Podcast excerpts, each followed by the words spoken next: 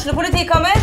Ine Jansen er purk. Er du purk? The motherfucking bitch. Alt jeg vil, er å finne ut hva som skjedde med mannen min. Jon Carew. Er jeg sikta for noe? Iben Akeli. Det er du. Ole So, Lars Berrum og Big Daddy Karsten. Hvem sin side er du på, egentlig? Anette Hoff, Tone Danielsen, Kommer du fra Afrika? Jørnis Josef, Nesten. Kløfta. Trond Espen Seim, Det er synd å si det, men det var feil mann som døde. Purk. Premiere tirsdag på TV2 Play. Hei, og velkommen til en ny episode av Debrif med Dag Sørås. Siden dette er en episode med gjest, så er det jo alltid en mulighet for at det dukker opp noen lyttere som ikke vanligvis hører på podkasten, og i den forbindelse vil jeg bare si hva i faen feiler dere, og i tillegg eh, ja, velkommen. Dette er jo primært en monologpodkast, men av og til og eh, forhåpentligvis eh, med økende frekvens, så vil jeg ha ekstraepisoder med gjester. Og det er tilfellet denne gangen. Jeg skal nemlig slå en prat med historiker Jon Røyne Kyllingstad om hans bok 'Rase en vitenskapshistorie', som kom ut på Cappelen Dam eh, tidligere i år.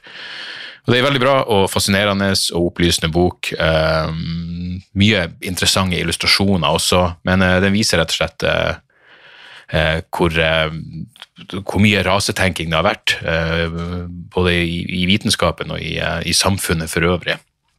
Eh, og eh, ja, det var, det var en, en, en fin prat. Eh, jeg tror ikke Jon helt visste Han visste ingenting om meg, åpenbart. eller jeg vet ikke om han var skeptisk i utgangspunktet, men, eh, men vi fant, eh, jeg føler at vi fant eh, tonen relativt fort, så det var en, en, fin, en fin prat. Og sjekk gjerne ut boka hans. Og så vil jeg bare nevne at selv om jeg har en liten pause i turneen min nå, så er jeg på turné med et show som heter Apokalykke, og hvis dere går inn på dagsoras.com, så vil dere finne eh, showdatoer og billettlinker og alt det der der, og mer show kommer. Så eh, ja, med det unnagjort, her er min prat med Jon Røyne Kyllingstad.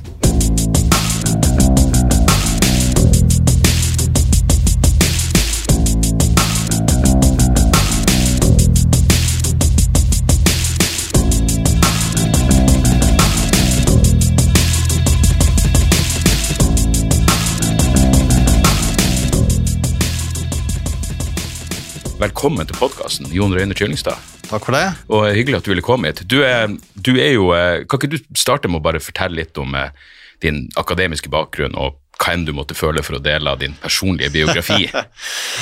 Ja, nei, så, his- Faglig bakgrunn min er jo at jeg er historiker. Jeg tok uh, hovedfag den gangen, for sånn ca. 25 år siden. eller noe sånt. Eh, og da begynte jeg faktisk å jobbe med dette temaet her. Rase og eh, fysisk antropologi, vitenskap osv. Uh, allerede da på hovedfagsoppgaven min, så den boka er jo faktisk en slags veldig utvida og utvikla versjon av det hovedfagsprosjektet. Mellomtida den gangen har jeg jobba med alle mulige ting knytta til vitenskapshistorie, Universitetet i Oslos historie, som jeg har jobba med i flere år, ja, osv. Kan du huske når eh, rasespørsmålet noe, var noe som begynte å interessere deg? Jeg vet ikke om det er noe som oppstår når man er barn og tenker at nå, jeg vet hva jeg vil jobbe med. Ja, det er et interessant spørsmål, for det, var jo litt eh, forskjellige grunner antageligvis, men eh, i utgangspunktet så var det denne, vit, altså denne vitenskapelige raseforskningen i mellomkrigstida som jeg ble nysgjerrig på, da, som sånn eh, ung mann, 30-åring. Eh, og det var nok først og fremst litt sånn faglig nysgjerrighet. Hva er dette her for noe? Hvorfor eh, kunne slike ideer som i dag framstår som helt eh, til dels helt ville, eh, faktisk få status som vitenskap, da. Og så eh, Ja, så det var jo egentlig sånn type Og selvfølgelig en sånn generell Man hadde vel en antirasistisk eh, tankegang i bånn nå, at det er liksom, dette er jo et viktig tema å, å snakke om, men eh, men da vi begynte med det den gangen, så var det jo ikke altså, altså Omverdenen oppfattet dette som et ganske sånn sært akademisk tema. Mm. Så det er jo veldig interessant denne boka han har fått så mye oppmerksomhet, for at det, liksom, verden har forandra seg. Da. Det er plutselig blitt mye mer aktuelt. Ja, men, men historie, var du opptatt av det tidlig? Historie generelt? Mm. Ja, det har jeg nok alltid vært. Jeg har vokst opp i en sånn historieinteressert familie og diskutert eh, med, ja, Men at det skulle ende om å studere historie, det er vel, uh, kunne blitt mye annet. Ja. Som de fleste andre av oss er det ganske mye tilfeldigheter i livet, så Ja, ja. det kunne blitt sosialantropologi, eller jeg kunne fortsatt som jeg var utdannet grafisk designer en gang, og det var som illustratør og tegner, og så, Ja. så man kunne blitt mye rart her i verden, det er ikke noe tvil om. Du, eh, jeg må innrømme at eh, liksom i en sånn menneskelig kontekst så får man litt sånn eh, Jeg får i hvert fall, jeg orker jeg får en sånn uggen smak i kjeften av å en gang bruke ordet rase. Ja. Men, men i, eh, i definisjonens navn og klarhetens navn, hva er rase for noe? Ja, det er jo et stort, øh, egentlig et vrient spørsmål. Du bruker jo noen hundre sider sånn sett på å forklare genene. Nei, altså jeg beskriver jo, jeg sier jo innledningsvis så skriver jeg at, jeg oppfatter rase som en vitenskapelig, en eh, sosial konstruksjon, vil si at det er et begrep som har opphav i, liksom, i samfunnet og i kulturen, og som eh, er en måte å dele inn folk på, sånn enkelt sagt, ut ifra ytre fysiske egenskaper eller forestillinger om biologiske forskjeller, og dette er jo da gjerne begrunnet i en eller annen idé om at dette er vitenskapelig, da. Har og det, det har jo sin bakgrunn også historisk, da, i at eh, det nettopp har vært slike vitenskapelige konstruksjoner, da, eh, og at vitenskapelig forskning har bidratt til å skape og opprettholde sånne rasekategorier. Når det er sagt, så mener jeg jo ikke at det ikke finnes biologiske forskjeller mellom folk, eller at det ikke finnes til og med biologiske forskjeller som eh, eh, er skal vi si, ulikt fordelt i verden mellom befolkninger geografisk og sånn, men, men moderne biologisk eller genetisk forskning og sånn eh, viser jo at disse variasjonene er jo, følger jo ikke noe sånn mønster som overhodet passer sammen med ideen om at de kan deles inn i klare rasetyper. Da.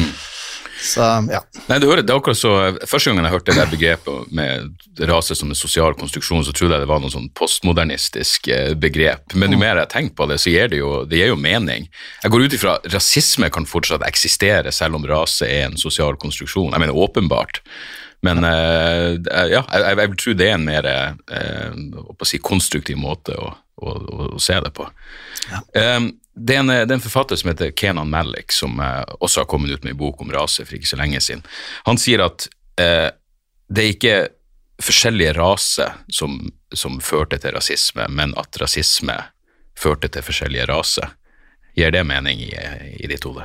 Ja, det vil jeg si. Mm. Altså, det er vel òg grunntanken, Ja. analysen i boka mi òg, mm. At det, det oppsto et rasistisk samfunnssystem med, med slavehandelen og disse plantasjesystemene i Karibia og sånn. At i det systemet der så ble hudfarge og opphav eh, direkte knytta til slavestatusen, ikke sant. Og dette ble på en måte en ja, en sosial konstruksjon, da, kan du si, som så igjen eh, bidro til at dette ble vitenskapelig tema, og som på en måte er et viktig liksom, startpunkt da, for at dette her ble vitenskapelig gjort. Da. Ja. Så, sånn sett så er jeg jo helt enig. Og så I stor grad så var det eh, eh, Rasisme er liksom i, stor grad en rettferdiggjøring for kolonialisme og slavehandel. Det sier vel nesten noe fint om mennesker på et sykt vis, at du føler et behov for å i hvert fall rettferdiggjøre hvorfor du skal dele folk inn i eh, hierarki på den måten. Ja, det, på en måte så kan du kanskje si det sånn, det, men du er inne på noe interessant som jeg tror også er mye Jeg har ikke lest den boka til Ken Malik, men jeg har lest ti- ting han har skrevet tidligere, som jeg antar også er en del av hans argumentasjon, og det er jo det at dette, ideen om rase kom jo samtidig med ideal om likhet. Og nettopp det at eh, i det gamle eh, samfunnet, i stender- og privilegiesamfunnet, du hadde aristokrater og, og, og du hadde livegne bønder, der var det jo Det var ikke noe ideal om at folk var like. Det var helt naturgitt at du tilhørte ulike kategorier. kategorier. Sånn at denne ideen om, et, eh, om biologiske raser, den oppstår jo også som et svar på Eller når du har ideen, idealet om likhet og denne voldsomme ulikheten da, som slavesystemet innebærer, så får du et behov for å legitimere det, og så kan du si enkelt sagt, da, så er det da mange som da griper til vitenskapen og biologien, at her er det Alle mennesker er ikke like mye mennesker, og dermed Ja. Ja, det, det virker jo som et sånn åpenbart paradoks at eh, Ja, du skriver vel at eh, denne ideen om, om såkalt vitenskapelig rasisme, den, den begynte å, å, å, å skjøt fart under opplysningstida. Eh, så ja, det, det er jo noe interessant det der at, eh, At du, at liksom du får alle de ene høyverdige idealene om frihet og likhet, og samtidig så må du finne en sånn vitenskapelig basis for det motsatte. Ja. Um, så, samtidig så er det viktig, paradoks er også at mange av de som faktisk da begynte med raseforskning, sånn som Bromenbach, som regnes som grunnleggeren av dette fysisk antropologien, han var jo slaverimotstander, sånn at disse raseforskningen ble også brukt som argument imot slaveri og argument for likhet, ikke sant? At, eh, ja, sånn at dette er jo et svært landskap her, da. Ja. Så det er jo, ja. Jeg, jeg husker ikke om du nevner det, men jeg, jeg vet jeg leste um, liksom i så- sånne, si, psykiatrien og psykologiens historie at uh, de hadde til og med et begrep som heter Jeg vet ikke om det er oversatt til norsk, men det var noe sånn som drapetomania eller noe sånt. Det var den, eh, den sinnsforvirringa slaver hadde når de følte for frihet.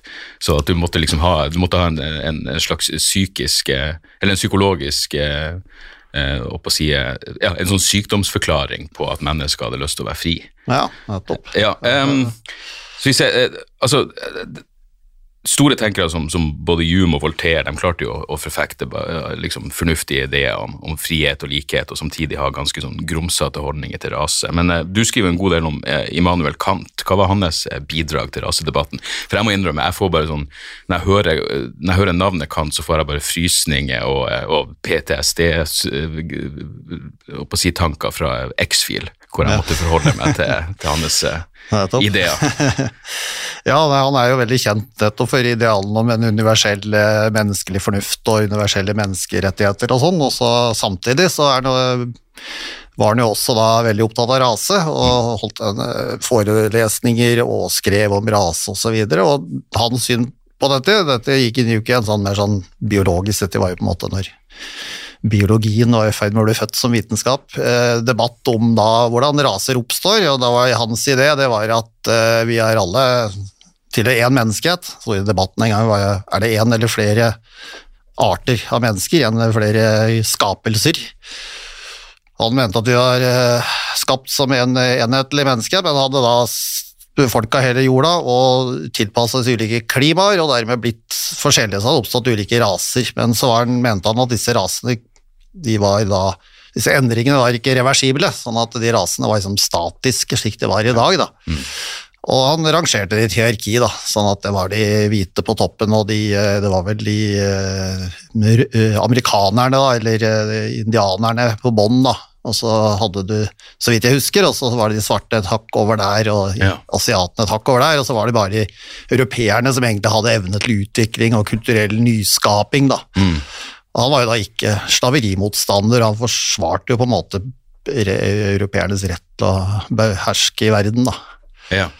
Så, og der tenker jeg jo dette her, nettopp det jeg snakka om, ikke sant? dette forholdet mellom idealet om likhet og behovet for å legitimere en ulikhet. da. Mm. Og Det har jo vært masse diskusjoner da, mellom filosofer og historikere sånn, om hvordan det skal forklares, om han bare var inkonsekvent, eller om han egentlig var det vi i dag vil kalle rasist. da. Jeg tror nok de fleste i dag mener at det er det som er for viktigste forklaringen. da. Ja. Det skulle vel godt gjøres egentlig å være en eh, prinsipiell antirasist på den tida, vil jeg tro. Han hadde jo noen skrudde ideer. Det var han som mente at eh, onani var verre enn drap, blant annet. Så, okay. eh, så sånn sett så er det ikke grenser for hva man kan klare å Nei, men, men det var jo faktisk som var relativt eh, tydelige antirasister på den tida. så men det var det, ja. Ja, så eh, Du hadde jo blant annet, jeg nevner jo disse afrikanske folka med afrikansk bakgrunn Mm. som deltok i eh, den si, intellektuelle debatten i Europa, og sånn, og de, de gikk jo veldig langt i å si at alle mennesker er like, og, og, og at slaveri derfor er, ikke kan begrunnes eller legitimeres. Og du hadde jo en antislaveribevegelse, og det var jo Ja. tross alt de som vant fram til slutt. da. mm, Ja. Så dette er ikke, er ikke entydig. Ja. Nei, En borgerkrig kan tydeligvis være verdt det av og Ja. til. Eh, Men du, vet vi noe om eh, sånn som den arabiske slavehandelen? Var den også mynta på ideer om rasemessig overlegenhet? Dette er ikke jeg noen ekspert på, men det er klart at s- sånn jeg har forstått det, så var det sånn at de eh, både i eh, Europa, altså både i den kristne verden og i den muslimske verden, så hadde man jo i utgangspunktet slaver fra det var krigsfanger, eh, fiender, Ja. og de kom fra ulike steder og hadde ulike hudfarger og sånn, men på et tidspunkt så eh, senmiddelalderen eh, og tidlig nytid så, så blir det mer og mer sånn at slavene kommer fra Afrika sør for Sahara, da, både i eh, den muslimske verden og i den kristne verden. Da. Mm. Så vidt jeg forstår, så er det bare i det amerikanske altså det eh, systemet at du får en sånn e- entydig at det bare er svarte som er slaver. Ja. Men også i den arabiske verden så er det da en sånn idé om at som kobler da svarthet og rase eh, og, og, og slavestatus sammen, og at det er en eh, sånn hierarki Ja. også der, og som lever videre fremdeles i dag ja, i, disse, i, i stor grad. Altså, Ja. Sånn sett, ja. Du, skal vi se, jeg har et sitat av det. Du skriver et fellestrekk ved nesten all rasevitenskap fra 1700-tallet til midten av 1900-tallet er forestilling om at all verdens folkeslag befant seg på ulike sivilisatoriske utviklingstrinn, med europeerne på toppen, selvfølgelig, Ja. eh, når annet skulle tatt seg ut. Men du, du nevnte i sted at det var noe statisk. Var, var det noe aspirerende i det her? Hadde de noen idé om at du kunne komme deg oppover på, eh, på utviklingsstigen på noe tidspunkt?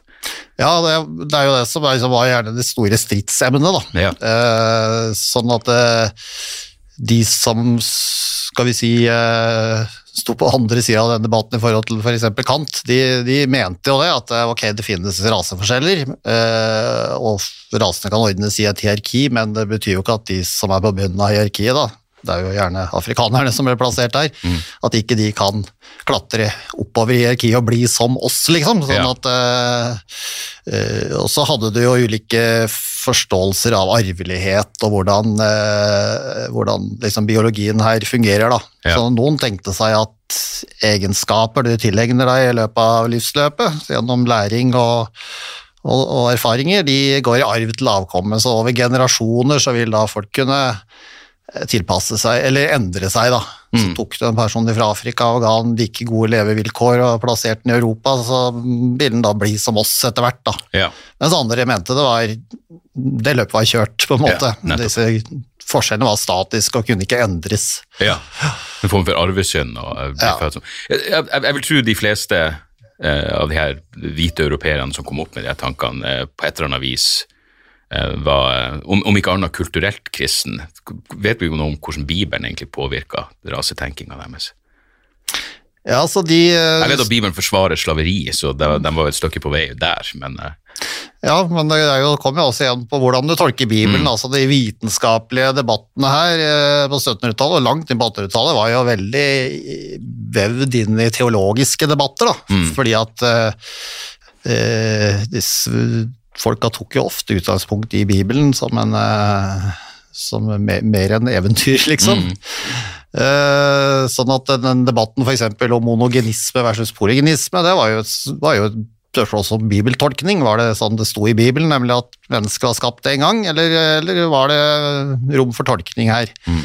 Eh, og så har du jo teorien om at eh, som ble brukt til å begrunne slaveriet, både til, jeg, den muslimske verden og den kristne verden fra gammelt av, det var jo en ideen om eh, Kanans forbannelse, at eh, Noas eh, sønn Ham eh, hadde blitt forbannet av av Noah, da, altså Noah med Noahs ark, eh, som var opphavet da, til alle de folkeslagene i verden. Eh, Altså at det var straff til sønnen til Noah for at ja, hans Noah slekt samlet. skulle da for evig være sine brødres tjener. Ja, Det var liksom en sånn, eh, og, og, han var da eh, forfaren da, til alle afrikanere, da, ifølge denne mytologien her. Da. Ja. Så det, er jo, det var en sånn myte som større eller mindre grad sirkulerte. Da, som, eh, Mm. ja, Historikere er uenige om hvor viktig den var for å legitimere slaveri, men det var liksom, eh, ja, et eksempel da, på hvordan disse tingene er vevd sammen. Ja. For disse mytene ble jo da igjen videreutvikla til mer sånn vitenskapelige teorier, ikke sant? Ja.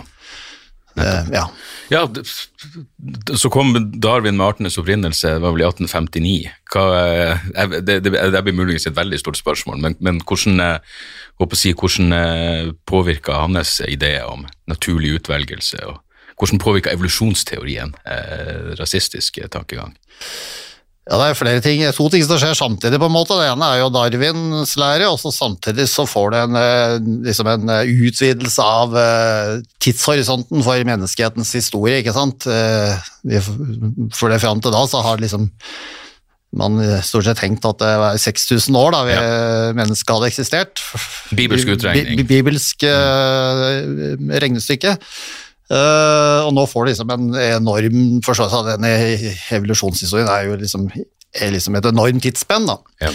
Uh, og da kan du si at denne diskusjonen om polygenisme, eller om det er en eller flere skapelser, blir jo da omformet mer til en diskusjon om hvordan denne evolusjonen har foregått, og da ikke sant, kan man eh, på den ene sida si at ja, dette er jo viser alle mennesker kommer fra et felles opphav, fra apene, enkelt sagt. Og vi befinner oss på ulike utviklingstrinn, eh, og vi kan bli like igjen hvis forholdene legges til rette. Og så er det da den andre versjonen, det er jo at de si at disse raseforskjellene oppsto for så lenge siden og er så grunnleggende at i målt i normal tidsregning så er vi liksom ja, er vi helt forskjellige, da. Vi kan ikke bli like. Og den tenkemåten kan jo kunne da kobles da til Darwin, eh, sånn seleksjonsteorien, altså ideen om survival of the fittest. at eh, skal vi si menneskehetens historie enkelt sagt drives fram av en kamp for tilværelsen mellom raser som er grunnleggende ulike, og både kulturelt og psykologisk og sånn, og da har du jo på en måte det du skal vi kalle ekstremvariant av det vi kaller, gjerne kaller sosialdarwinisme. da. Mm. Men den sosialdarwinismen av det slaget var jo ikke enerådende, dette var som en del av et sånt større landskap. da. Ja. Men eh, ja. ja, for Darwin sjøl trodde jo på, eh, på rasehierarki, og eh, hvem var, var det Huxley, han som var eh, Darwins bulldog, Ja. han hadde vel òg det ideen om utviklingstrinn eh, Ja. i, eh, for mennesker, så ja. Så de, dis, den ideen inngikk jo liksom i de debattene om evolusjon og om, ja, om menneskets evolusjon, så var det en premiss mer eller mindre da, for, ja. måten man diskuterte og forska på dette her. Man får liksom inntrykk av, av, av at det er en liten verden, for det var vel eh, ja, sir Francis Galton, Darwin sin nevø, som kom opp med, med begrepet eugenikk. Det, det, det er også sånn en, eh, det er akkurat som jeg får en sånn, eh, sånn uggent, uggen smak i kjeften av det ordet også, men det er jo ikke nødvendigvis noe, noe rasistisk i det. Hva, hva ligger i det begrepet? Nei, altså det var jo Jeg kan si ta utgangspunkt i uh, Jeg føler at nazistene ødela for mange begrep, egentlig. Ja vel, vel. Jeg tror for så vidt uh, Golten gjorde en god jobb der sjøl òg. ja. Nei, for det, ideen er jo at eh, Og det var jo ikke den ideen som Galton kom opp med, det var han som fant på det, på det navnet og systematiserte denne tenkninga, men ideen var at eh, menneskeheten gjennomgår en evolusjon, eh, og noen mennesker liksom ligger litt foran i utviklingen, andre ligger lenger bak. Det finnes gode og dårlige arveegenskaper og gode og dårlige ja, høytstående og lavtstående mennesker, og eventuelt raser, for det trengte ikke å knyttes til rase, som du sier. Og så var ideen at utviklingen var i ferd med å stoppe opp pga. moderne sivilisasjon.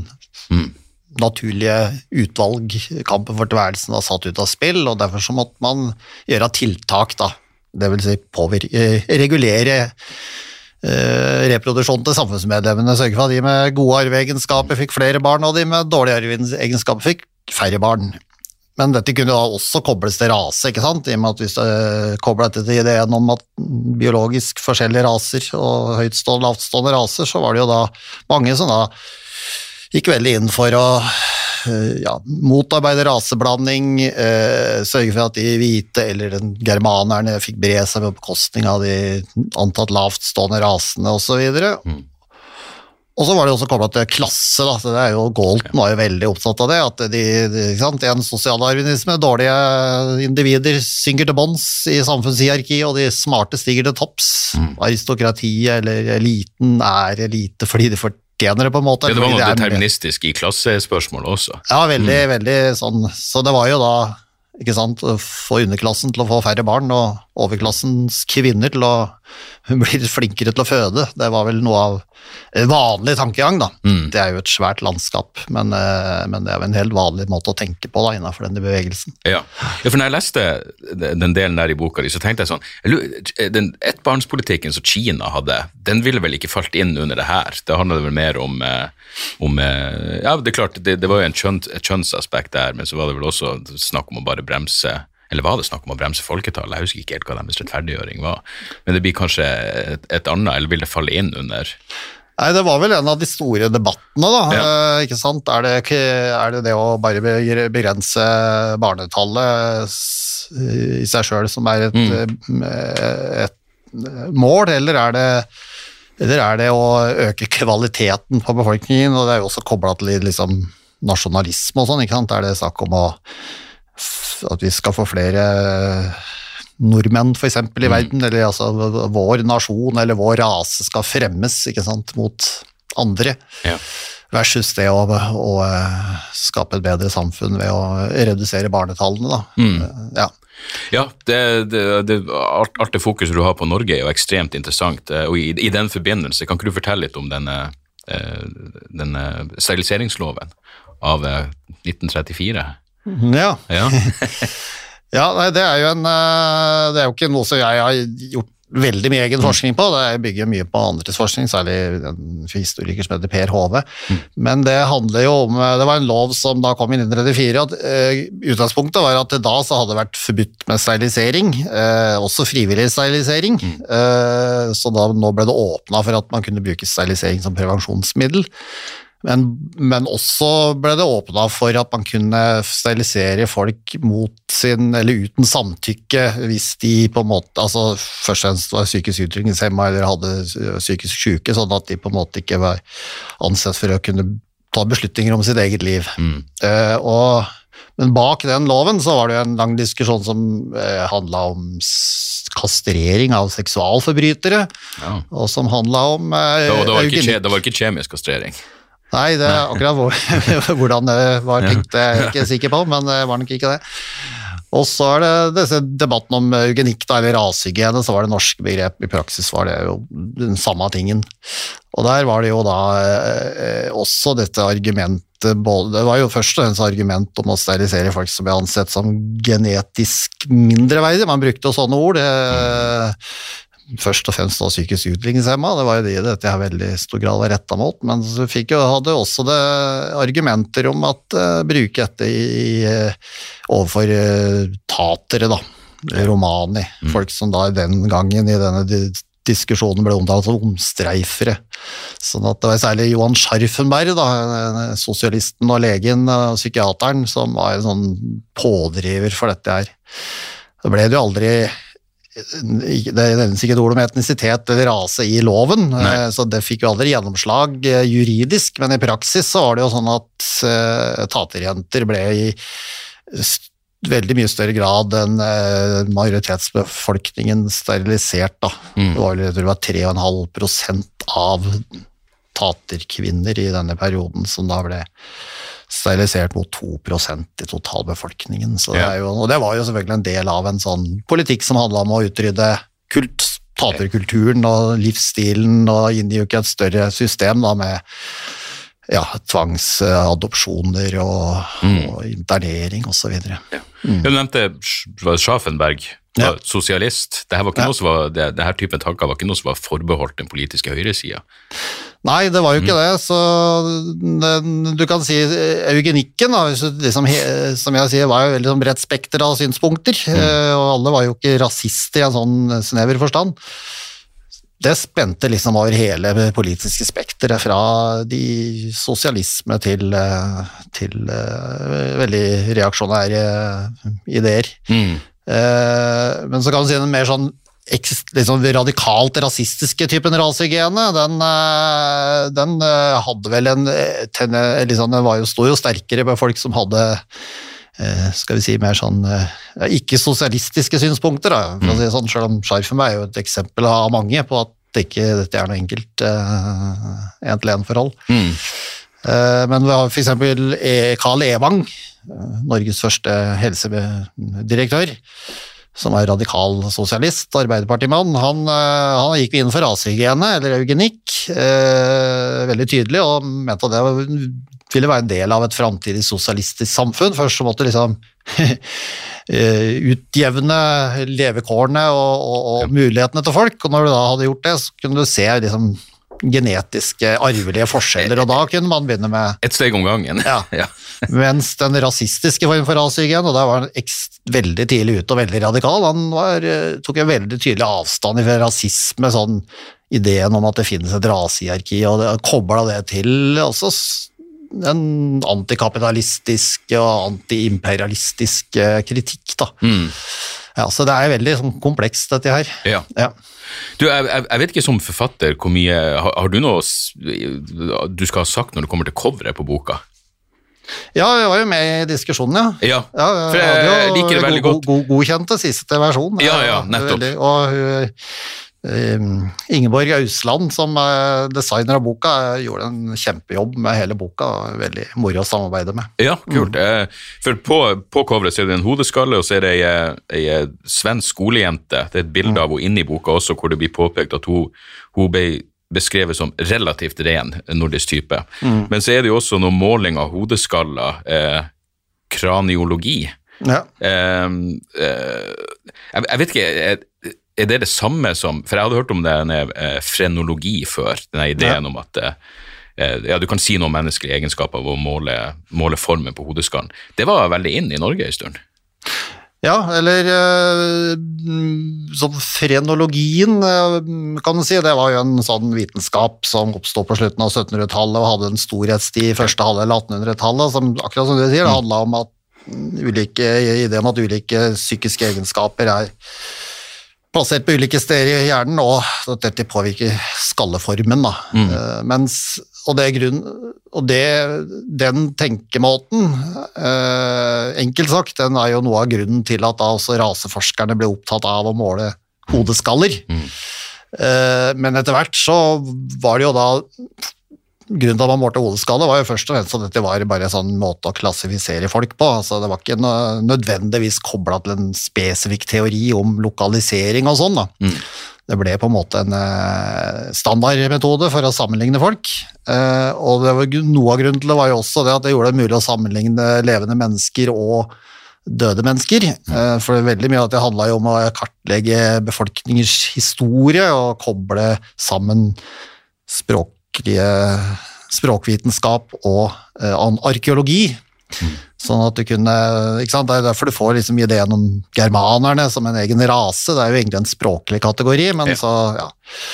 Og um, dette er jo stort i Norge Ja, du kan si du får fysisk antropologi fra, i Norge først og fremst fra 1890-tallet og framover, og det er særlig i mellomkrigstida da, at dette med denne kraniologiske raseforskningen er veldig stor. Da, da er det Universitetet i Oslo og Anatomisk institutt da, som da har en, eh, bygger opp en stor eh, samling med, med kranier.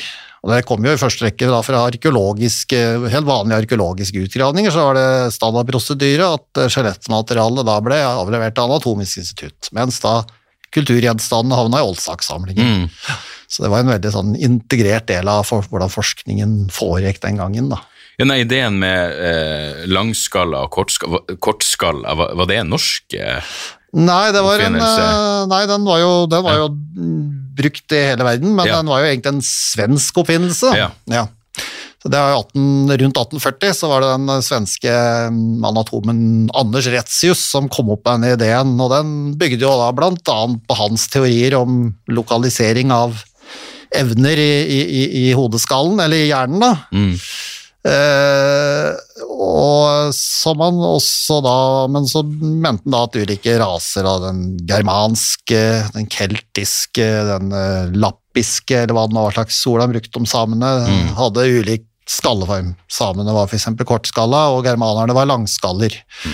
Og, eh, og så lagde han da en sånn eh, innvandringsteori om at alle de indogermanske eller indoeuropeiske folkene hadde innvandra til Europa fra Asia et sted. Og la grunnlaget for alle liksom, folkeslagene i eh, Europa, altså germanere, keltere osv. Slavere. Og så hadde da eh, Europa hatt en urbefolkning som da bestod av eh, forfedrene til samene og faktisk baskerne. baskerne. som da var kortskaller, og som da hadde liksom levd i stenalderen, og så kom da disse høytstående indoeuropeerne, særlig germanerne, da, med bronsealder og jernalderkulturen. og Liksom, og det var liksom da sivilisasjonen på en måte kom til Europa. da. Ja. Så, Ja, ja Langskala var, var det de kalte vikingtypen.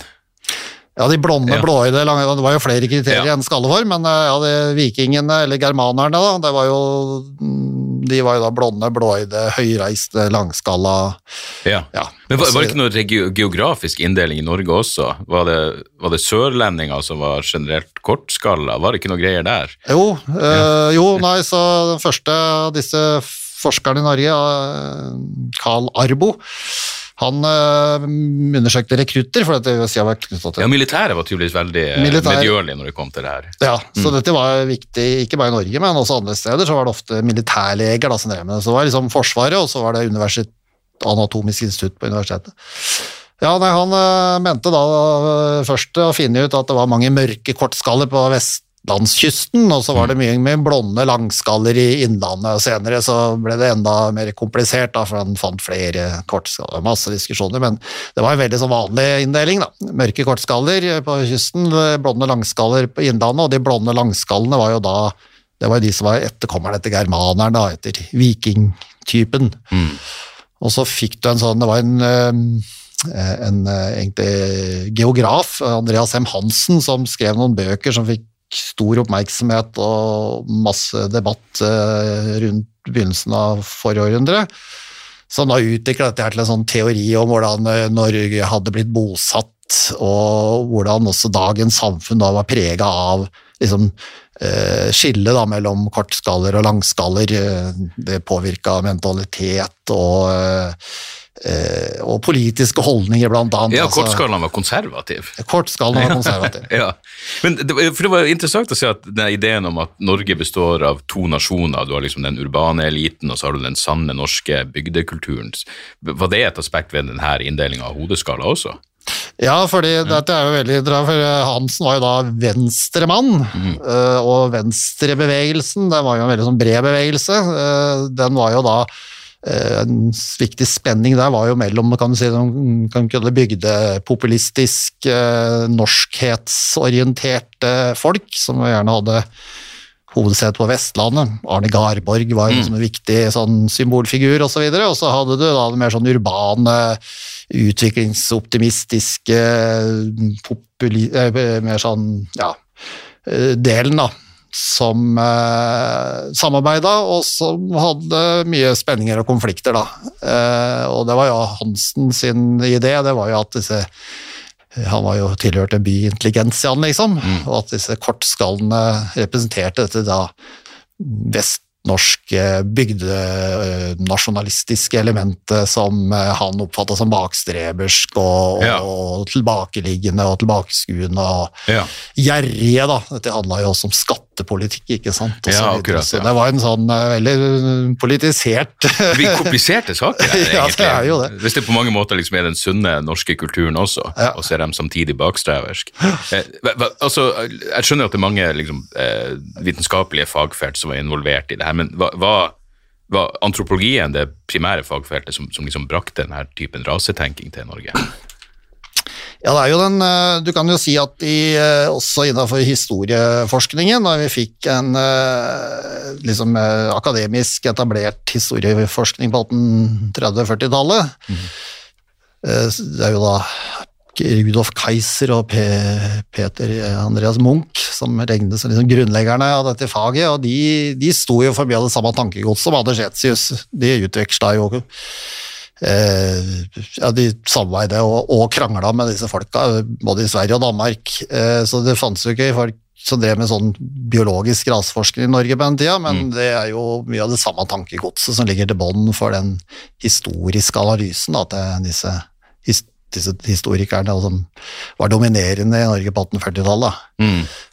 Eh, Men så, når du da får en sånn mer sånn ordentlig rasevitenskap, så det jo, kommer det jo ifra eh, er det den fysiske antropologien, da, Mm. som, eh, som er liksom der det først og fremst kommer. Men så får du jo da også en, en eugenisk eller rasehygienisk eh, bevegelse i Norge.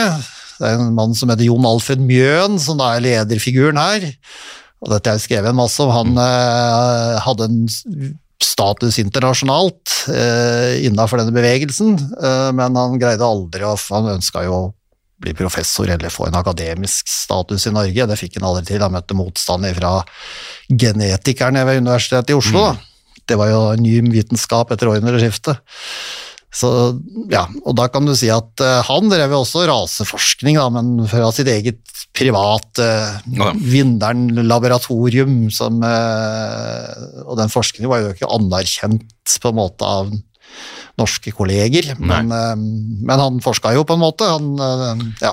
Faller det inn under populærvitenskap? Men, for jeg lurer på liksom litt hva, Gjorde de noen forsøk på å få den gemene nordmann interessert i det her, eller var det liksom sett på som eh, noe bare akademikere ikke tenkte på? Nei, det var jo mye Man drev med mye forskningsformidling Ja. og, og, og, og sånn. eh, Og det var nok en ganske stor interesse rundt dette. Han- Sånn som sagt Andreas M. Hansen sine bøker om kortskall og langskall. Det, det, det var jo eh, diskutert i offentligheten og var liksom han, eh, Sånn jeg oppfatter det, så er han en profilert offentlig figur.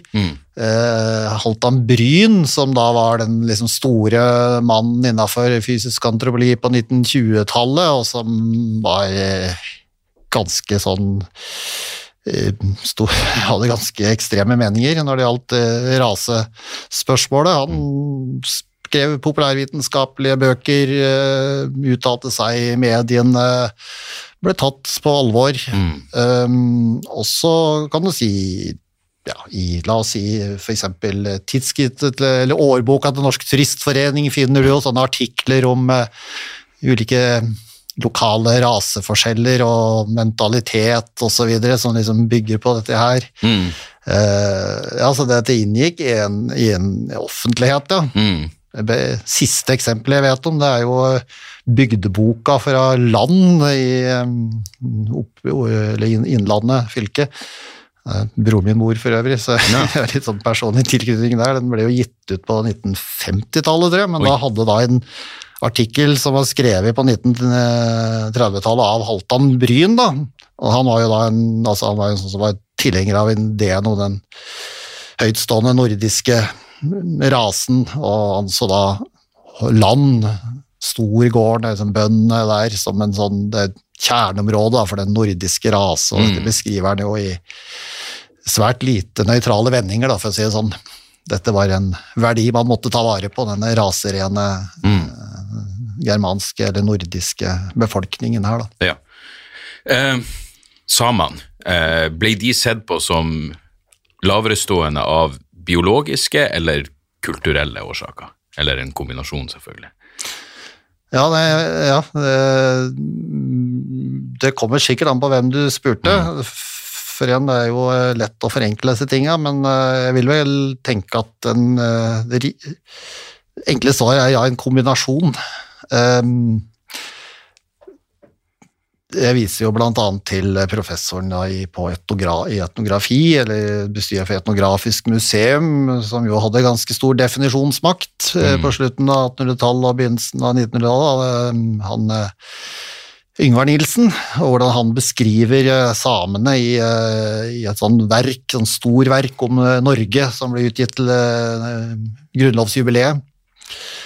Og der er det jo eh, helt tydelig at for han er, er det en rase, tilhører samene en annen og mer lavtstående rase enn nordmenn, og at de har ikke noen utviklingsmuligheter, og at de på sikt kommer til å bli på en måte marginalisert og forsvinne da, med, i møte med den norske eller europeiske sivilisasjonen. Dette her var jo en ganske vanlig eh, tenkemåte. Mm.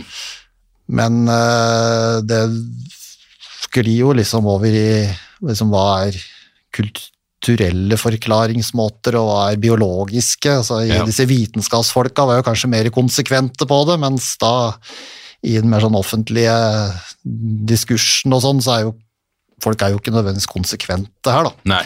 Og du finner jo igjen i mange steder sånne beskrivelser av samer som laverestående rasemessig og, og, og sånn. Ehm, Men men, men, den offisielle norske politikken var jo en assimilasjonspolitikk, ikke sant? Mm. Så den gikk jo ut på at samene ikke bare kunne bli norske, de skulle Måte, bli ja. norske. Det var jo kulturen man skulle avskaffe, det var jo ikke, ikke rasen. Mm. Uh, sånn at den bygger jo ikke på en biologisk rasisme i den forstand, da. Nei, men, men de ble mer linka opp mot var ikke mongolerne, og de var sett på sånn ikke-hvit og dermed ikke-europeisk. Ja. Ja. Ja, så du kan jo si det er jo veldig interessant, da, for det, liksom, liksom hvis du, I denne tankeverden så gikk det jo sånn grunnleggende skille mellom europeere og asiater, eller mongolider, eller hva det nå ble kalt. Og, og i tillegg var jo no, samene da gjerne sett på som en sånn spesielt lavtstående eh, del av denne mongolide rasen, mens da nordmennene, eller i hvert fall den nordiske eller germanske rase, var jo plassert på toppen blant de hvite rasene. Så du kan si gikk jo et veldig grunnleggende i den tankeverdenen her skille tvers gjennom befolkningen i Norge, da. Ja. Men det, det var debatt om dem en gang var Var det ikke debatt om, om samene var urfolket her? Liksom, hvem kom først og alt det? Det var et hett debattert tema, det også.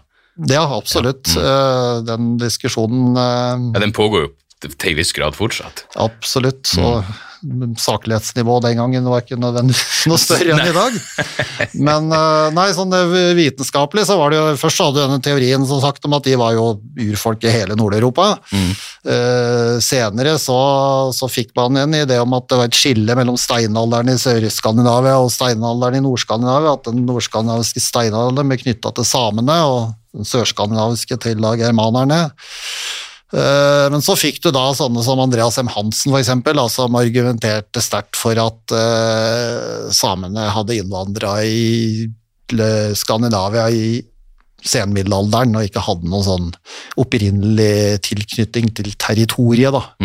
Eh, Så det var kobla til denne kortskala- og langskalateorien, for han mente at da sjøsamene de var etterkommere etter da samme mørke kortskallene som folk på Vestlandet. De hadde bare tatt til seg det samiske språket eh, på et eller annet tidspunkt. Ja. Um, Men han igjen Dette ble diskutert i offentligheten, og antageligvis eh, inngikk i sånne liksom, mm, debatter i, i tida, men, eh, men eh, fikk jo heller ikke et sånn sterkt sånn akademisk gjennomslag, da. Nei. Men, eh, men ble diskutert også i akademiske kretser. Da. Så den raseforskningen som foregikk ved Anatomisk institutt eksempel, på 30 og 40 eh, 20- og 30-tallet, og som førte med seg massiv skal vi si, oppgraving av samiske hodeskaller, eller hodeskaller fra samiske gravsteder, den handla jo blant annet om å, å, avklare dette spørsmålet. Ja. Og den Skreiner, da, som leda denne forskninga, han eh, mente at han kunne avvise da, det synspunktet til, eh, til eh, Hansen, og at samene hadde mye lengre historie, mente han da kunne vise med disse skallemålingene sine. Ja, ja du, du skriver at samene var et objekt for etnografisk nysgjerrighet, Ja. eh, også eh, ble sett på som en primitiv nåtidskultur av Etnografisk museum. Så det er Ja. Nei, man, man har ei historie. Um, det, Altså, det interessante der er jo at liksom arkeologene og historikerne de interesserte seg for norsk historie, men det definerte man jo da som nordmennenes, liksom etniske nordmennenes historie. ja. Og det samiske var jo da i mye større grad eh, sortert under etnografien, altså med andre primitive folk da, som man tenkte den gangen. Ja. Så det var liksom en, det tilhørte ikke den nasjonale vitenskapene som, ja. Nei. Det, eh, det er tydelig at hele denne ideen om eh, si, den ariske rase eh, oppsto lenge før nazistene populariserte det. Er den ariske rase og den germanske rase er det det samme? Eh, ja og nei. eh, I tankeverden til nazistene for eksempel, så var det den samme, og i tankeverden til eksempel Andreas M. Hansen og Halvdan Bryn, så var det, for det var, var det for det var liksom en av liksom disse ideologiske eh, punktene, da. Du kan si det vokste fram en, det som i Tyskland fikk navnet den nordiske tanke. I USA så hadde du folk som forfekta en sånn ideologi knytta til den nordisk-germanske rase osv., og, så og disse folka de eh, så for seg at da det var bare at germanerne var eh, etterkommere da etter det opprinnelige indoeuropeiske eller ariske urrasen. da, Ideen var liksom at alle europeiske folk hadde opphav der, men at liksom det var germanerne som, som representerte da sjølve urrasen, den ariske, og at de derfor også var liksom bærere av hele den vestlige sivilisasjonen. Det var deres medfødte evner som liksom hadde drevet fram kulturutviklingen i Europa og sånn. Mm. Så når man slo sammen ariere og germanere, så var det på en måte del av en sånn ideologi, da, eller, og, og også en vitenskapelig retning. da, Det ble argumentert vitenskapelig. Sel selv om alt høres veldig sånn eh, kategorisk ut, så anerkjente jo de som forska på det her også at det, tross alt var variasjoner innenfor rasen. Ja. At det var, det var liksom ikke eh, en, en, å si, eh, monolittisk i, i, den forstand, liksom. Du kunne ha smarte svarte mennesker eh, og dumme, dumme hvite mennesker. Ja. Så om ikke annet. Ja. Så, så, det er jo mm. en bra ting. Du, Hans Gunther var jo et navn jeg, jeg merka meg. En, jeg, jeg, når jeg sendte deg mail, så kalte jeg vel han jeg, jeg, tenkte etterpå Jeg blir bestandig så selvbevisst på om jeg, om jeg husker feil. Jeg, bare skrev til deg jeg ville prate om Hans Gunther som en forløper til nazismen. Stemmer ja. det? Ja, det kan det jo si, på en mm. måte. Eller en eh, Du kan si nazismen jo, var jo del av et større landskap. Så du kan snakke om den såkalte Völkers-bevegelsen i Tyskland. En sånn veldig nasjonalistisk, rasistisk, antisemittisk eh, bevegelse som hadde ganske stort gjennomslag, og, og, der eh, Hans Günther var en veldig kjent og viktig person, mm. og han var jo han som på en måte var liksom arkitekten da, bak denne nordiske tanke i Tyskland. Mm. Og det var jo denne ideen da om, den, eh, om en eh, nordisk-germansk eh, rase og, og om, eh, som måtte vernes mot raseblanding, og som på en måte ja, var menneskehetens framtid. Eh, og han ble jo da eh, medlem i nazipartiet sånn på begynnelsen av 30-tallet, når han så hvilken vei den politiske mm. vinden blåste, for han var jo ikke i utgangspunktet Opportunistisk. ja, eller han var idealist på ja. vegne av ja, ideologien ja. sin, ikke sant? så han skjønte at å, her har vi muligheten til å få gjennomslag. ikke sant? Det betyr jo ikke at ikke nazistene hadde mange andre ideologiske røtter, mm. men, men han, og han fikk jo en enorm status. Da, så de bøkene han skrev, Rassenkunde, Des Deutschen Volks, eller hva det nå var, mm. en serie med sånne bøker, de, de ble jo bestselgere da, allerede før 1933, men særlig i naziperioden, da han ble professor. Med en drahjelp fra nazistene osv., men han var i utgangspunktet en mer sånn populærvitenskapelig forfatter, da, mm. som, eh, men som hold, hørte til innenfor dette høyreekstreme landskapet. Da. Mm. Og han hadde jo da nære forbindelser til Norge, da, og en norsk kone. Eh, han bodde i Norge i perioder, og han eh, var nært, nært forhold til Halvdan Bryn, da, den norske antropologen, som også var bidro inn i denne mer sånn følkish, nordistisk ideologi, ideologiske miljøet i Tyskland. Da. Mm. Så det viser jo hvordan disse tingene er jo ikke bare Det, det som skjedde i Tyskland, var ikke isolert fra omverdenen. Nei. Han hadde jo også nære forbindelser til USA, da, mm. Eh, der vi hadde litt lignende ideologier og ja. strømninger. Jeg vet det har vært noe kontrovers, men det, det virker jo som om eh, Stemmer ikke at nazistene var ganske inspirert av elementer av amerikansk historie i sin ideologi? Jeg vet ikke om jeg ja, jo, ja. altså på en måte, eller i hvert fall så er det jo helt klart at uh, Gynter for eksempel, var jo veldig inspirert av en uh, amerikaner som heter Madison Grant, som skrev en bok uh, som het The Passing of the Great Race, som da ble en sånn bestselger rundt uh, første verdenskrig i USA, og veldig viktig for den rasehygieniske bevegelsen i USA og sånn, og Hitler leste jo den boka og hadde påstår sjøl visstnok at han hadde stor glede av den. da. Mm. Uh, The Great Race var jo selvfølgelig den nordiske rase. Uh, og, og Gunther var sterkt inspirert av dette her. Så USA, og, og amerikanske steriliseringslovene ja, og amerikansk rasehygiene sånn sett var jo også et forbilde. da. Så, ja, Og også når det gjaldt mer sånn mer så anerkjente vitenskapsfolk, så fantes det nære forbindelser her. da. Mm. Ja. Du, Det er interessant det du skriver om hvordan eh, nazistene sin raseideologi fikk sånn praktiske konsekvenser eh, under de forskjellige okkupasjonene. Du skriver f.eks. at i Polen så ble statsapparatet ødelagt. Mm. Fordi eh, polakkene var vel laverestående på et eller annet vis, mens det i Norge ble opprettholdt. Jeg har aldri tenkt at det var, det var en av grunnene til, til akkurat det. Nei, det er jo holdningene altså Krigen i øst var jo i stor grad ansett som en rasekrig. altså mm. Det handla om, om å, Slaverne ble jo ansett som undermennesker. Og ideen var jo at eh, germanerne skulle på en måte ekspandere østover, man skulle etablere jordbrukskolonier, og befolkningen skulle enten fordrives eller bli gjort om til slaver eller drepes.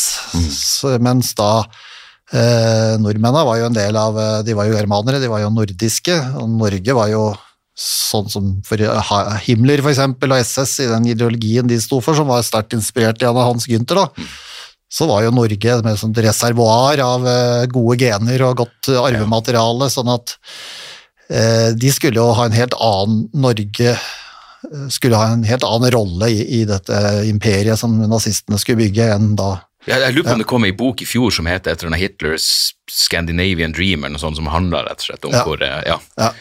At eh, Norge hadde en, en varm plass i hjertet. Ja, og det var jo også en del av Når man prøvde å rekruttere SS-soldater i Norge, ikke sant, så var jo noe av belønningen SS-soldater skulle få, det var jo at man skulle få jordbruksland i øst. Mm. Eh, Sånn at eh, nor norske SS-soldater var jo da tiltenkt samme rollen, kan du si, i denne ekspansjonen østover som da tyske SS-soldater. Mm. Og dette handla jo selvfølgelig om en var jo begrunna i en sånn rasistisk verdensbilde, da. Ja. Så hvilke konsekvenser fikk holocaust og liksom, eh, å- å si, eh, eh, rasebasert massedrap? Hvilke konsekvenser fikk det i etterkrigstida for den vitenskapelige rasismen? Gikk folk i seg sjøl? ja.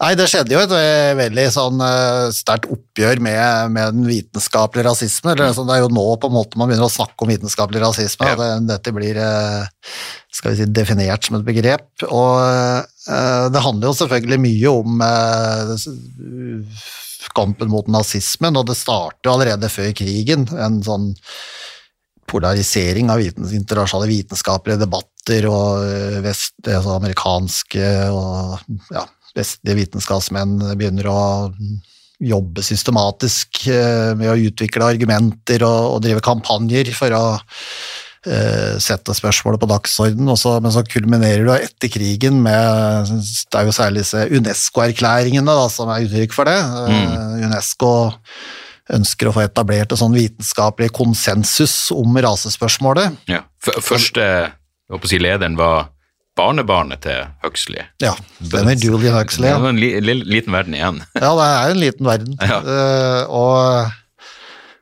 uh, Ja. Nei, og, men så er det jo det at det, det handler jo ikke bare om uh, nazismen, det handler jo også om avkolonisering, ikke sant? Ja. For én ting er jo oppgjøret med den typen raseideologi som nazistene står for, og det er jo det det starter med, på en måte. Mm. Det er jo ikke nødvendigvis sånn folk som var antinazister eller motstand denne nordiske tanken var liksom eh, konsekvente antirasister, at de avviste hele ideen om et rasehierarki. Det var nok eh, det var bare radikale mennesker som gjorde det, men etter krigen så kommer det mye mer sånn grunnleggende debatter om det. da. Ja. Og da er det jo selvfølgelig FN, og du får eh, avkolonisering, du får eh, tidligere kolonima, kolonier som får en stemme i det internasjonale samfunnet. Mm.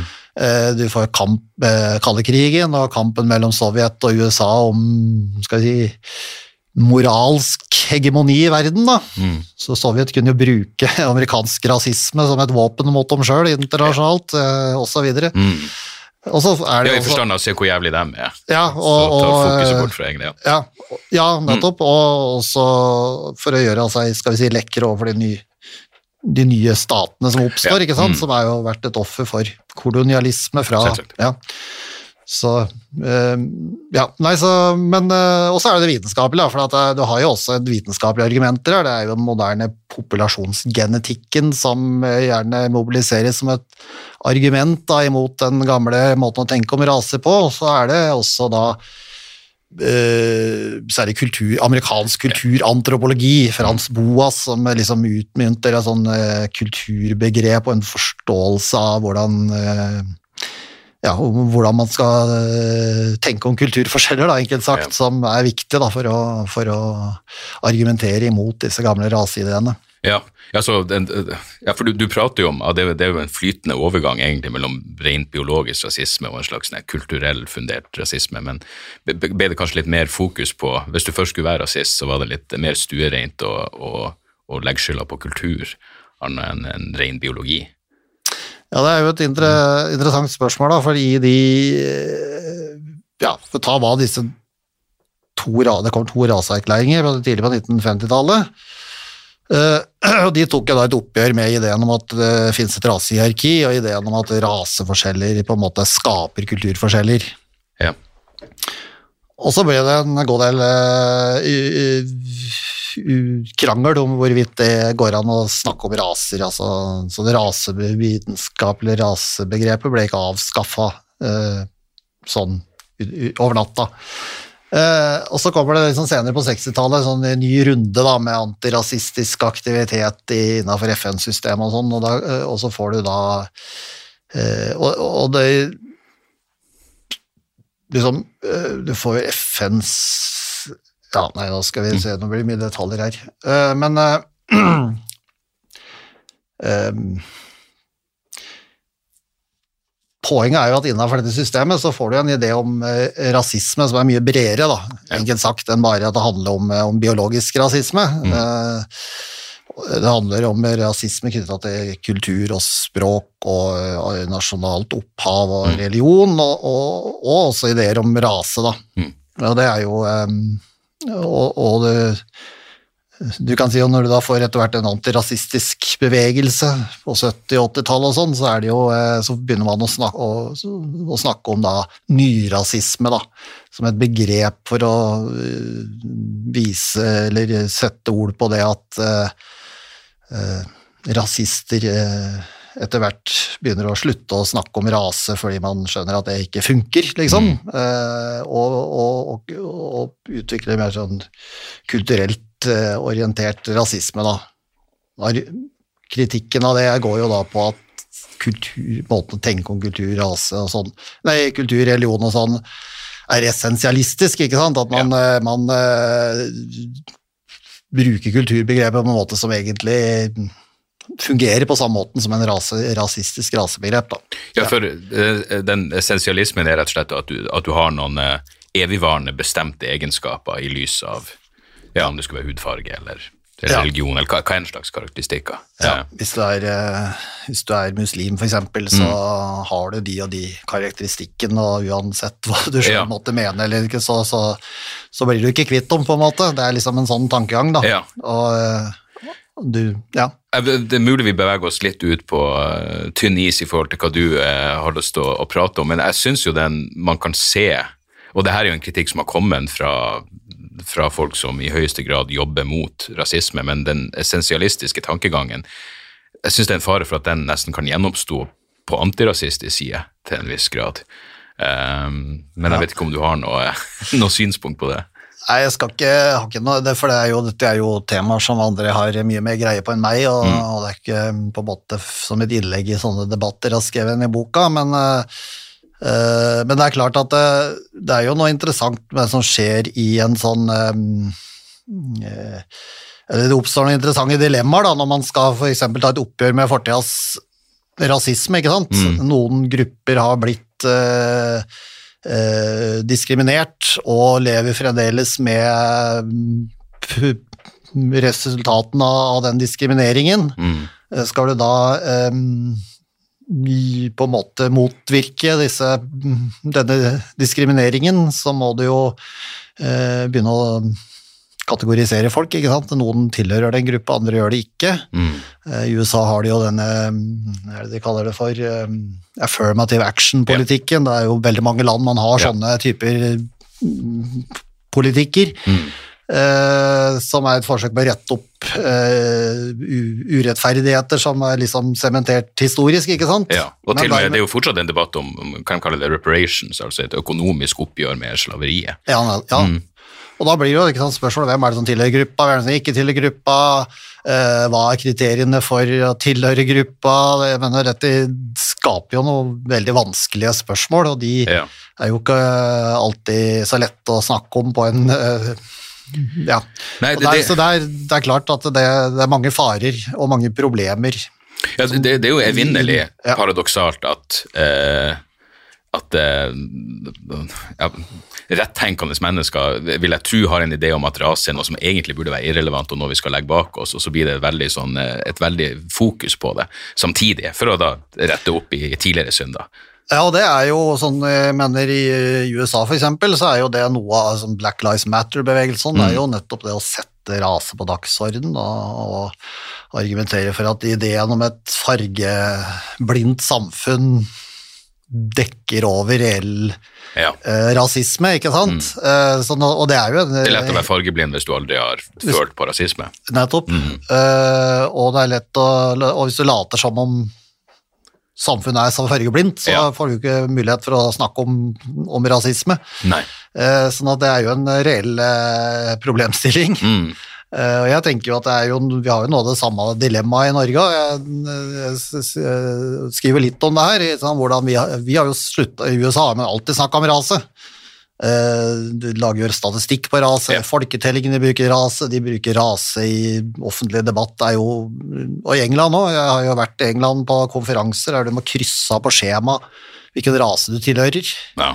Fordi at de, de skal jo lage statistikk for å finne ut om de er, øh, mangf har mangfold, ikke sant? Ja. Jeg er ganske sikker på at jeg aldri ja, Kanskje med en innreise til USA eller et eller annet mulig jeg måtte ha kryssa av på en slags Men i Norge, så Ja. Hvis jeg hadde gjort jeg, hvis jeg arrangerer en konferanse i Norge, så kan jeg garantere at det hadde blitt øh, oppstyr. bråk.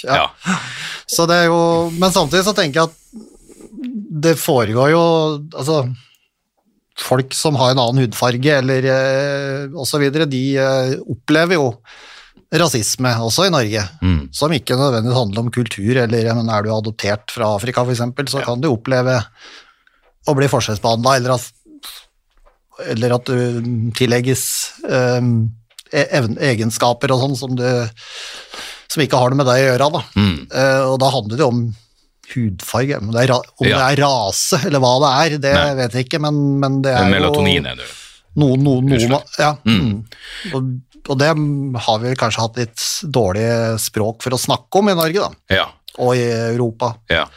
Jeg, jeg føler en sånn eh, Det med en podkast, er sånn debatt eh, eh, konsept de har i USA som heter Intelligence Squared, hvor folk eh, ja, Det er liksom to som de debatterer en, en påstand, og så, så, så sier folk på forhånd eh, om de støtter påstanden eller ikke, og så ser du om hvor, folk, hvor mange som har skifta mening i ettertid.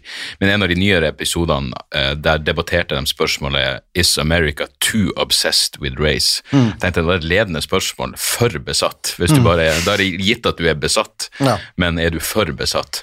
Så um, ja, nei, det er klart det er ikke så lett å overføre eh, de debattene til- Norge også pga. litt forskjellig historie. Men det, det bringer meg til jeg, jeg vet ikke hvor mye synspunkt du har på men straks eh, Straks jeg begynte å lese boka di, så har du et slags, du har et personregister hvor du kan slå opp navn. Ja. Og da lurte jeg på om Charles Murray kom til å dukke opp. Fordi du har liksom, du har den biologiske rasismen, og så har du den kulturelle rasismen. Og Charles Murray er jo en eh, kontroversiell amerikansk statsviter som i, på midten av 90-tallet var medforfatter av en bok som heter The Bell Curve, hvor han vil argumentere for han virker monomanisk opptatt av, eh, av IQ. Eh, så jeg vet ikke om du har noe synspunkt på Charles Murrays forskning, og eh, ja, det virker som om IQ er blitt eh, en ny sosial konstruksjon som man kan bruke for å rettferdiggjøre ganske grumsete holdninger. Ja, det er jo for så vidt ikke nytt at IQ er kobla til rase, så det er jo et tema jeg sikkert kunne skrevet mer om i den boka. Jeg er vel innom det. Mm. Eh, Det er faktisk sånne ting jeg driver og jobber litt mer med nå. Ja. Men eh, så, så allerede fra begynnelsen av, der gikk jo forskninga, det er jo særlig i USA dette slo gjennom rundt første verdenskrig, så var det jo knytta til rase helt fra begynnelsen av. Blant annet innvandringspolitikk. Man gikk jo testa folk og eh, på eh, immigranter for å vurdere om eh, de var verdige innreise osv. Og, og så inngikk dette i debatter om rase, og i Forsvaret drev man med IQ-testing osv. Så, um, så Og det er jo allerede fra altså, blomstre opp igjen da, på rundt 1970, så har det en sånn stor runde, en svær debatt i amerikanske akademia om dette her. Og så er det den der Bell Curve-debatten debatten, og jeg tror jeg han Murray kom med en ny bok for et par år siden. Ja. Altså, som er, så, så, Som, som visstnok handler om noe annet, men det var mye, mye protester, og det var en Ja. sånn Hei, denne boka handler ikke om IQ, men det er klart eh, Han gjør jo det også. Ja, ja. Nei, så, nei, altså, det er klart det flene IQ-begrepet er jo veldig Det er jo, som du sier, det er jo en konstruksjon. Det er jo Ja. noe forskere har skapt for å undersøke likheter og forskjeller mellom folk med hensyn til kognitive egenskaper, eh, men eh, bygger jo på en eh, mange masse premisser, Mm. eh, og eh, men selv om det framstår som en sånn eksakt vitenskap for, med, fordi det gir et tall, så er det jo selvfølgelig en, eh, er jo en eh, ja, et, igjen et komplekst landskap dette her også da. ja. Men noe av problemet, eller hovedproblemet med den typen argumenter som Murray står for, er jo, er jo for det ene ideen om at eh, IQ-tester måler en arvelig egenskap. Det er ingen uh, fagfolk på dette feltet som uh, mener det. Uh, diskusjonen handler jo i, om i hvilken grad dette er, er arvelig, og i hvilken grad det er eh, i miljøbetinga. Ikke sant? Det er noe, måler noe du har lært. eh, og disse testene som man bruker til vanlig eh, i helsevesenet og sånn, eksempel, de eh, er jo en slags testbatterier som er ment å måle mange ulike evner. Mm. Det er jo heller ikke noe enighet om hvordan disse evnene skal inndeles, og, og hva de er. Og, og så er det uenighet om hvorvidt da dette IQ-målet er noe i seg sjøl, eller om det bare er en beskrivelse av en sånn samla sum av mange ulike evner. Og de evnene igjen er mm, det diskusjon i hvilken grad er de arvelige, og hvilken grad er de eh, tillærte, da. Eh, så dette er eh, Og hvis man